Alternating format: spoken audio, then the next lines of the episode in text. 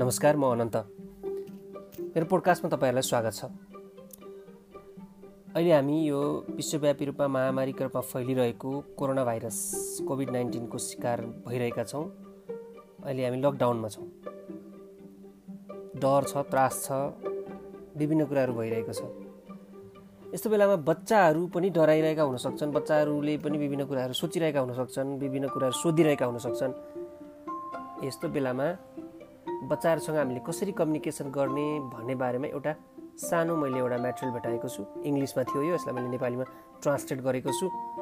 हुनसक्छ यो तपाईँको लागि पनि एउटा राम्रो सन्देश हुनसक्छ। र यसमा मैले भे यसमा चाहिँ के छ भन्दाखेरि तपाईँको बच्चालाई डर होइन हिम्मत दिनुहोस् भन्ने यसको शीर्षक छ।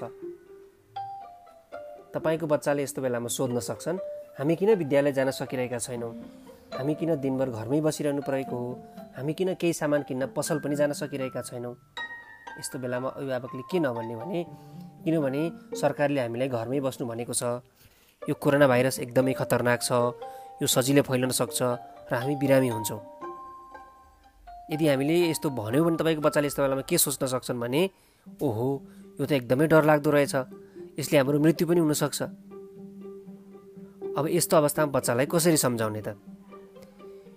यो भाइरस मान्छेको शरीरभित्र पस्यो भने मात्रै बाँच्न सक्छ। यदि हामी घरभित्रै बस्यौँ भने यो भाइरसले हामीलाई देख्दा पनि देख्दैन भेट्दा पनि भेट्दैन अनि कसरी हाम्रो शरीरभित्र आएर पस्न सक्छ? अनि त यो भाइरस बाँच्दैन। त्यसैले धेरैभन्दा धेरै मान्छेलाई यो भाइरसले बिरामी पार्नुभन्दा पहिले नै हामीले यो भाइरसलाई खेदाउनुपर्छ।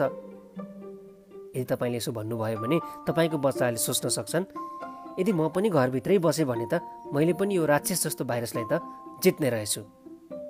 Stay safe, stay home. Thank you.